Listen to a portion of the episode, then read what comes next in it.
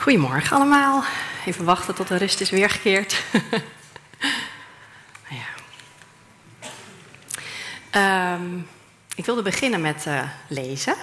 Voorlezen uit uh, Matthäus 25, vers 14 tot 30. Het is een metafoor die Jezus aan zijn leerlingen vertelde. Hier is nog een voorbeeld, zegt Jezus. Een man gaat op reis.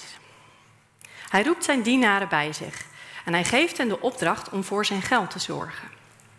De ene dienaar krijgt een miljoen, de tweede een half miljoen en de derde honderdduizend. De Heer geeft elke dienaar het bedrag dat bij hem past. Dan gaat hij op reis. De dienaar die een miljoen gekregen heeft, gaat meteen aan het werk. Hij handelt met het geld en verdient er een miljoen bij. De dienaar die een half miljoen gekregen heeft, doet hetzelfde. En hij verdient er een half miljoen bij. Maar de dienaar die honderdduizend gekregen heeft, graaft een gat in de grond. En hij verstopt het geld van zijn heer. Na een lange tijd komt de heer terug. Hij wil weten wat de dienaren met zijn geld gedaan hebben. De dienaar die een miljoen gekregen heeft, komt bij de heer. Hij geeft hem ook het tweede miljoen en zegt: Heer, u gaf mij een miljoen. Kijk, ik heb er een miljoen bij verdiend. Dan zegt de Heer tegen hem: Uitstekend. Jij bent een goede en trouwe dienaar. Je hebt trouw gezorgd voor een klein bedrag. Daarom krijg je de leiding over grote en belangrijke zaken. Kom nu naar mijn feest. Ook de dienaar die een half miljoen gekregen heeft, komt bij de Heer. En hij zegt: Heer, u gaf mij een half miljoen. Kijk, ik heb er een half miljoen bij verdiend. Dan zegt de Heer tegen hem: Uitstekend, jij bent een goede en trouwe dienaar. Je hebt trouw gezorgd voor een klein bedrag. Daarom krijg je de leiding over grote en belangrijke zaken. Kom nu naar mijn feest. Maar dan komt de dienaar die honderdduizend gekregen heeft. Hij zegt: Heer, ik weet dat u streng bent. Voor u is het nooit genoeg, u wilt altijd meer. Ik was bang dat ik uw geld zou verliezen. Daarom heb ik het gestopt, verstopt in de grond. Kijk, hier is al uw geld terug. Dan zegt de Heer tegen hem: Jij bent een slechte en luie dienaar. Je zegt zelf dat het voor mij nooit genoeg is, dat ik altijd meer wil. Waarom heb je het dan niet naar de bank gebracht? Dan had ik het met rente terug kunnen krijgen. De Heer zegt tegen zijn knechten: Pak het geld van hem af en geef het aan de dienaar die een miljoen verdiend heeft. Want iedereen die veel heeft, krijgt nog meer. Zo krijgt hij meer dan genoeg. Maar wie bijna niets heeft, raakt ook het laatste nog kwijt. Breng deze waardeloze dienaar ver weg. Breng hem naar de donkerste plaats, waar iedereen huilt van ellende en spijt. Nou heb ik een psychologenvraag voor je. Hoe voel je je nu? Ik meen het redelijk serieus. Voel even. Welke emotie kwam omhoog toen ik deze metafoor voorlas? Geen zorgen, ik ga je niet vragen om het te delen of zo. Ik zal je vertellen welk gevoel het in mij triggert. Elke keer weer als ik het lees. Angst. En dat is eigenlijk nog redelijk mild uitgedrukt. Het is een soort existentiële angst, een beven als een rietje, ergens diep in mijn buik. Want wat als ik die derde dienaar ben? Wat als ik dit leven niet begrijp? Als ik het allemaal verkeerd doe? Wat als ik straks ook zo hard veroordeeld word en zal eindigen op de donkerste plaats, waar iedereen huilt van ellende en spijt? En dan voel ik verzet opkomen. Daar waar het in mij angstig trilde, verhard ik. Tot ik mijn kwetsbaarheid niet meer voel, want ik vind het niet eerlijk. Een beetje mededogen voor deze derde dienaar, is dat te veel gevraagd? Hij is angstig, dat zegt hij toch zelf? Waarom zo'n extreme straf? Ik weet niet wat voor geloof dit is, maar daar wil ik geen onderdeel van zijn. Herkenbaar? Dan wil ik je meenemen op reis in mijn ontdekkingen over dit verhaal. Jaren geleden ontdekte ik namelijk iets interessants in deze metafoor en ik wist dat ik het een keer wilde delen. Toen deze preekbeurt eraan kwam, besloot ik: nu is het moment. Dus laptop ging open en ik ging aan de slag. En toen ging het mis. Ik kreeg een nerveuze knoop in mijn maag. Ik probeerde mijn gedachten te vormen, maar ze gingen alle kanten op. Ik kon me gewoon niet concentreren. Ik werd constant afgeleid door die irritante commentator. Geen idee of je die kent. Hij zei dingen als: Serieus, is dat je bijzondere punt? Zo bijzonder is het niet. Werk even wat sneller, is het nog niet af? Je weet toch dat je weinig tijd hebt? Zo kom je er nooit. Zo, wat een suffe zin. Denk je echt dat ook maar iemand dit wil horen?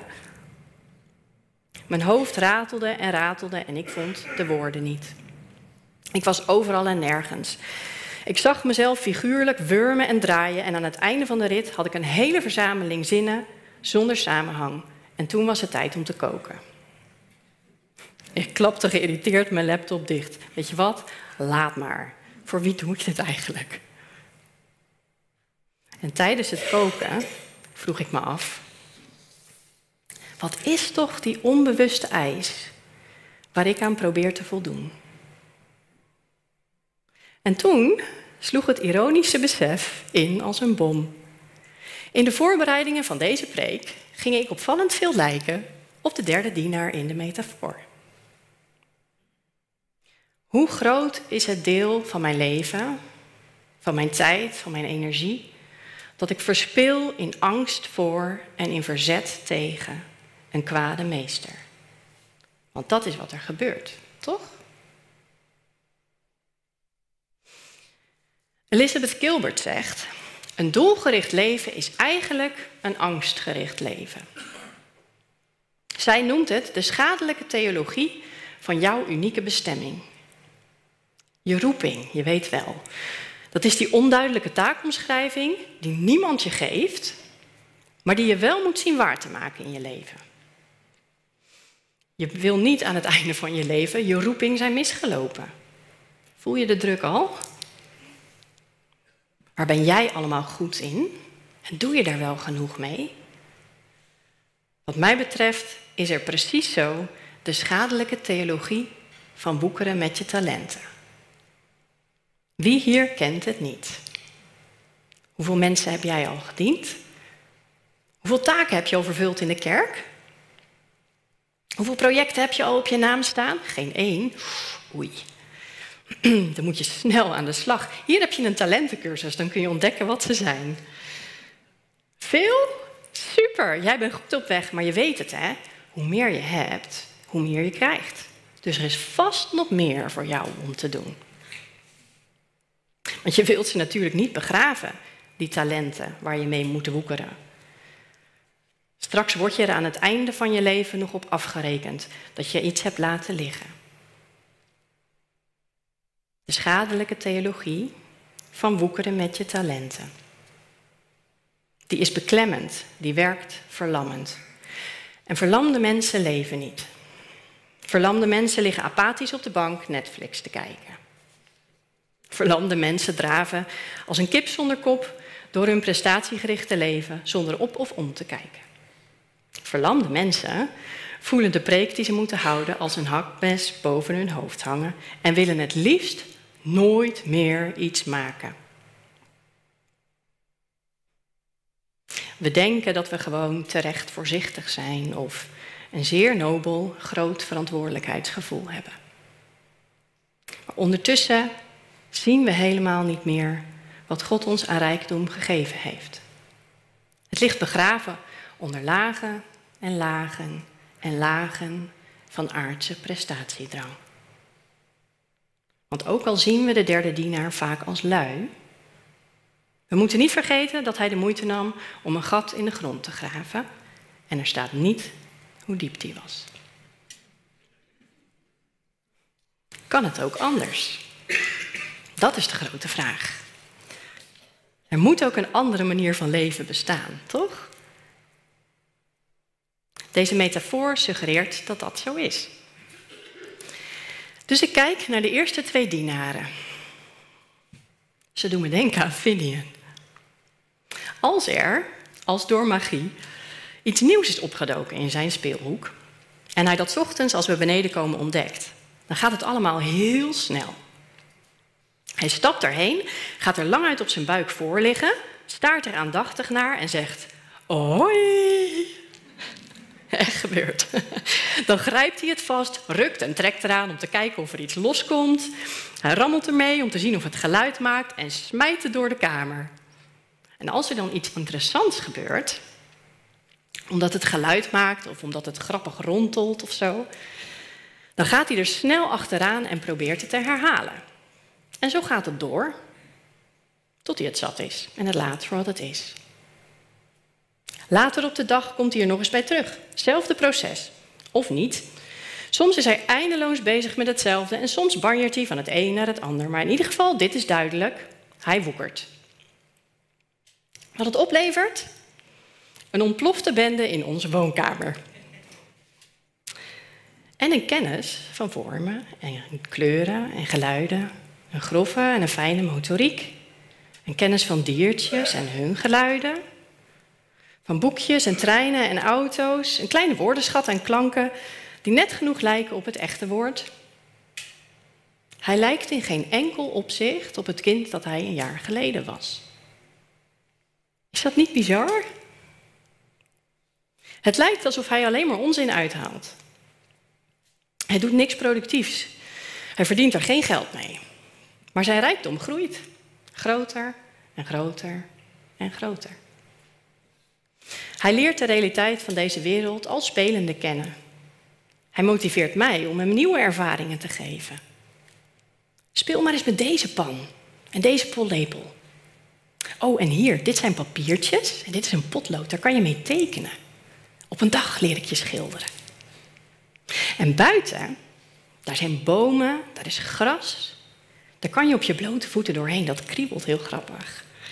En er zijn vogels en allerlei dieren, kleine en grote. En allemaal maken ze hun eigen geluiden. En er is wind en zon en regen. En ongelooflijk, het houdt niet op. En aan het einde van de dag zitten we dan met z'n drieën aan tafel en oefenen high five en kikeboe en hyper de piep. Hoera! Je kan, het kan je bijna niet ontgaan. Zo'n beetje zijn hele leven is een feest. Zou dat zijn hoe het werkt in de realiteit van God? Ik denk het. Ik geloof dat. Ik verlang daarnaar. Wat een schatten aan dingen om te ontdekken, te ervaren, te leren kennen. Een hele wereld van leven en beweging, van geuren en kleuren en sensaties, van interactie, inspiratie en creativiteit, van ontwikkeling en groei. Ik wil heel graag zo vrij en ongedwongen aan de slag met wat God allemaal geeft. Ik wil zien hoe het groeit, hoe het overvloed wordt. Ik wil aanwezig zijn op dat feest. En volgens Jezus kan het. Er is een weg die leidt tot het ware leven, vol overvloed en vreugde. En er is helaas een weg die doodloopt. Misschien is nu het moment om in te zoomen op de derde dienaar. Dit is het schrijnende aan de situatie van de derde dienaar. Hij zegt te weten hoe het zit. Ik weet. Echt? Laten we eerlijk zijn. Eigenlijk weten wij heel erg weinig. Wij menen te weten. Dat is echt iets anders. Wij geloven. En dit was wat deze dienaar meende te weten, wat hij geloofde. U bent hard, veel eisend en inhalig. De lat ligt altijd hoger voor u dan ik kan halen. U eist altijd beter, groter, hoger. U hebt een onverzadigbare zucht naar meer. Dus ik was bang. Dus ik begroef het. Hier is het terug. Hij is bang, deze dienaar. Ja, inderdaad. Maar dat niet alleen. Hij verzet zich. Tegen wie? Tegen de eigenaar van zijn rijkdom? Zo lijkt het. En als deze meester echt een vrede en inhalige man zou zijn, wat in de ervaring van deze dienaar waarschijnlijk zo is, is zijn verzet dan niet ergens terecht? Ik vind het best dapper, best moedig. Hij zegt: Ik doe hier niet aan mee. Ik ga niet eens een grammetje bij verdienen voor jou. Ik stop het in de grond, waar er geen lucht en geen licht bij kan. Waar het niet kan groeien. Ah, daar ben je weer. Net goed. Hier heb je het terug. Maar nu wordt het dus schrijnend. Want het lijkt alsof de dienaar zich verzet tegen de ware aard van deze meester. Maar eigenlijk verzet hij zich tegen het beeld dat hij heeft van deze meester. En dat zijn twee verschillende dingen. Helaas ziet hij dat niet. En dit is het gevolg. Hij verstopt het beetje rijkdom, het beetje leven dat hij kreeg in de grond. En als de eigenaar terugkomt, dan staat hij daar, met het geld van zijn meester in zijn handen, nog vies van de aarde waaruit hij het net heeft opgegraven. Hij strekt zijn handen uit en zegt: Hier heeft u het terug. Het gezicht van de meester betrekt. Zijn oordeel volgt. De dienaar laat zijn hoofd hangen. Dan neemt de eigenaar zijn geld terug. En de dienaar staat met lege handen. De eigenaar draait zich om, draait zich weg. En de dienaar blijft achter in het donker. Hij gaat zitten, begraaft zijn hoofd in zijn handen en huilt. Waarom blijf ik toch scheppen en scheppen en scheppen? Begraaf ik de dingen die ik kreeg onder lagen en lagen en lagen van donkere aarde? Omdat ik geloof in een genadeloze meester. Ik wil hem behagen en hem ondermijnen tegelijk. Hij is nooit vrede, hij is nooit voldaan. Hij wil altijd meer dan ik kan geven. Hij hoort geen nee en kent geen genade. Ik ga met mijn hakken in het zand. Terecht. Is het dan niet terecht? Ik besef te laat dat hij een illusie is en dat ik, door hem aan te horen, hem te gehoorzamen, me tegen hem te verzetten, dat ik hem in leven houd. Ik besef te laat dat ik mijn leven heb begraven.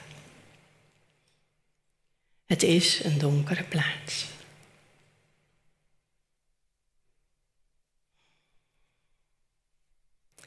Hier ben ik niet graag. Ik ken deze plek best goed. Jij ook? We zijn op de donkere plaats. En we luisteren naar het oordeel. Het oordeel is hard en definitief. De gevolgen onomkeerbaar. Wij lezen, net als de derde dienaar, het hoort. Perfect in lijn met zijn geloof. De afwijzing. Het einde. Hij is een hopeloos geval. Zie je wel, deze God is een harde, gierige, nare God. Die wil je niet eens dienen.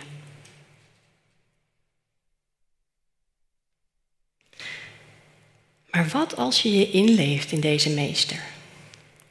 Dezelfde persoon die naar de anderen vrijgevig en gastvrij is. Wat als je gelooft dat hij een goede man is? Verslagen neemt hij de met aarde besmeurde rijkdom van de derde dienaar terug. Want wat kan hij anders doen? Hij wil zijn geld niet terug. Hij wil groei, leven, liefde, geluk voor al de zijnen, ook voor deze derde dienaar. Maar hoe kan hij hem dat aan het verstand peuteren? Er is maar één manier. Hij moet het dan maar voelen, zodat hij het hopelijk gaat zien. Wat als het oordeel niet verwijtend, hard en definitief is? Wat als het een simpele opsomming van de feiten is? De derde dienaar heeft het weinige wat hij had van zich afgeschoven. Dus nu staat hij buiten, zoals hij koos, met lege handen. En wat als het met compassie werd gebracht? Pijnlijk eerlijk, ja, maar vol begrip en medeleven. En wat als het niet definitief is? Maar een tijdelijke en helpende fase van de reis. Dennis zei het al een paar weken geleden. Dat helpende oordeel, dat wil je juist. Zegt heel duidelijk, zo dus niet.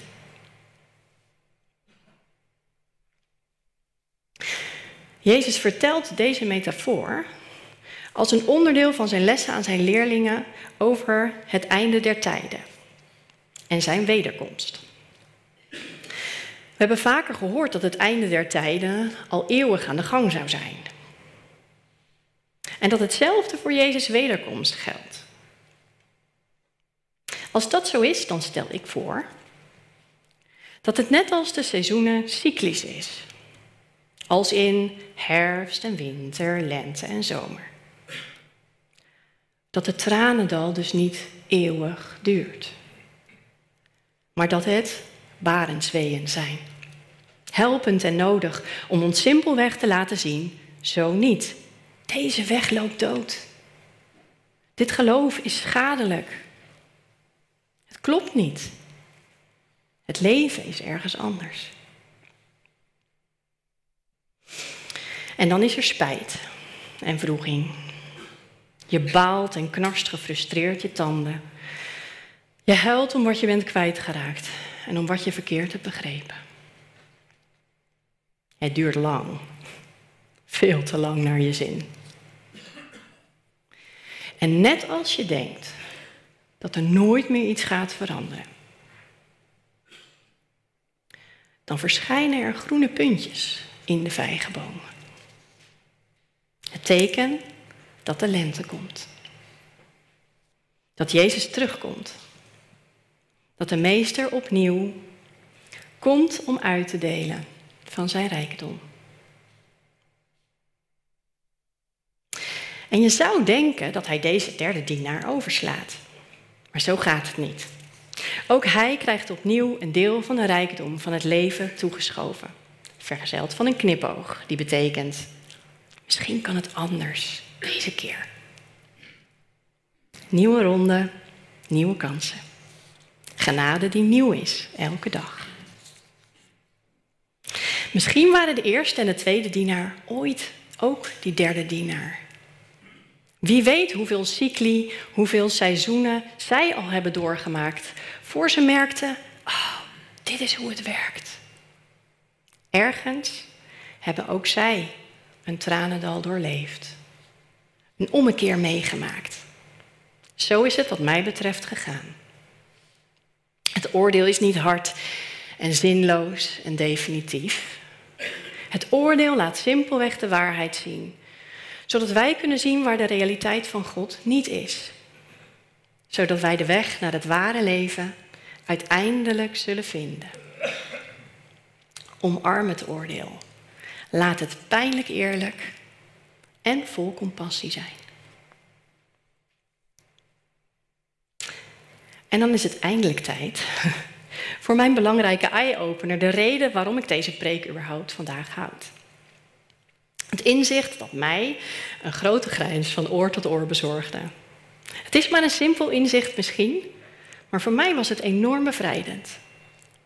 Komt-ie. Ik, dus als gespannen derde dienaar, las deze metafoor door mijn angstige bril. En ik haalde mijn figuurlijke scheppel uit de schuur. En toen realiseerde ik me, juist dat scenario, dat ik zo extreem graag zou willen lezen, dat staat er niet in. Waar is de dienaar die aanpakt wat hij krijgt, er gelijk mee aan de slag gaat en falikant faalt? Waar is die dienaar die woekert met zijn talenten, die alles wat hij krijgt investeert en dan uiteindelijk met lege handen voor de meester staat? Waar is die, die dienaar? Wat gebeurt er met hem? Serieus, waarom staat dat scenario er niet in? Want dat is wat je wilt weten, toch? Als je bang bent. Kijk, ik snap het. Niet begraven, maar ermee aan de slag gaan. Dat is allemaal wel duidelijk. Maar wat gebeurt er met mij als het mislukt? Waarom kan Jezus daar niet even iets over zeggen? Apart toch, dat hij dat niet doet. Ik heb daar dus even op zitten kouwen. En ik kwam tot een simpele conclusie. Het staat er niet, want dat scenario bestaat niet. Zie wat mooi is, wat glinstert, wat interessant is. Zie wat leeft. Kruip er naartoe, ga er op je buik voor liggen en zeg: Hoi! Grijp het vast, trek het los, rammel eraan, gooi het de lucht in. Luister, kijk, voel, proef, merk op wat er gebeurt. Wees nieuwsgierig. En dan lijken je dagen misschien vooral een soort chaotische warbel van interacties en losse eindjes. Maar onderschat niet wat er gebeurt. Je leert, je groeit, je ontdekt de nieuwe realiteit waarin je geboren bent. Je wordt steeds meer wie je bedoeld bent te zijn. Er bestaat gewoon geen scenario waarin je ongedwongen speelt met alles wat je door God gegeven is en het niets oplevert. Het resultaat is gegarandeerd. En voor je het weet, sta je daar, zelf verbaasd, met je handen vol rijkdom voor hem en zeg je: Kijk nou, ik ging ermee aan de slag en nu is het verdubbeld. En dan zegt God: Wauw, geweldig. Kijk, hier is nog meer. Inhalig blijkt hij niet te zijn. Integendeel, gul is zijn tweede naam. En dit leven wordt een merkwaardig feest dat we noemen leven in het koninkrijk van God. We zijn blijkbaar uitgenodigd. En wij maar denken dat we moeten produceren. We realiseren ons niet, wij zijn het product. We maken geen hoogdravende levenskunst. We boeken geen grootste successen. We moeten niet de beste van de beste worden. We spelen maar een eind in het rond. Nieuwsgierig, onder de indruk, dankbaar, creatief. En aan het einde van de rit zijn wij het kunstwerk. Wauw, hoe is dat gebeurd? Wij maken niet ons leven. Het leven maakt ons. En ik snap het wel. Het is nogal een ommezwaai. Als je daar dan staat als derde dienaar, nog nasnikkend van je tranendal, met weer wat nieuwe rijkdom in je handen. Wat dan? Als je altijd hebt geleerd te leven in angst voor hoge eisen en een hard oordeel, dan stort je je niet zomaar al spelend in het avontuur. Wat als je met knikkende knieën naar je handjevol munten staat te kijken? Je hart voelt bonzen in je borst en je afvraagt waar je moet beginnen. Ik vond nog een helpend inzicht in deze prachtige metafoor, speciaal voor jou. En een beetje voor mij op die wiebelige momenten. Als je je voorstelt dat deze meester zijn pijnlijke oordeel aan de derde dienaar op een toon van compassie bracht, dan zou je dit kunnen horen. Luister. Als je echt angstig bent. Als je gewoon niet durft. Waarom breng je het dan niet gewoon naar de bank? Huh? Wat? Ja, het is blijkbaar een prima optie. Je hoeft je er helemaal niet per se vol in te storten als je nog niet durft. Je moet het om te beginnen vooral niet begraven. That's it. Ontvang wat je krijgt. Kijk er eens rustig naar. Voel de warmte van je dekbed rond je lichaam. Hoor het gechirp van een koolmees, het gekoer van de duif. Zie de eerste zonnestralen van achter je gordijn. Voel de eb en vloed van de adem in je borst. Ervaar je leven. Merk het op. Vang de quote die je hart raakt. Of dat interessante inzicht. Zie de glimlach van een vreemde. Voel de koele wang van je kind, een handje in je nek. Verzamel je ervaringen. Doe ze in je broekzak, neem ze mee. Breng naar de bank. Laat ze zijn. Je hoeft niks te doen, niks te bereiken. Ga een rondje wandelen, slaap een paar nachtjes. En ga dan nog eens kijken wat er met je rijkdom is gebeurd. Blijkbaar is dat prima. En misschien is juist dat de weg. Denkend aan de zich herhalende cyclus, waarin hoge eisen leiden tot angst en verzet. Is het niet juist logisch dat in het ware leven ontspanning en ongedwongenheid leidend zijn?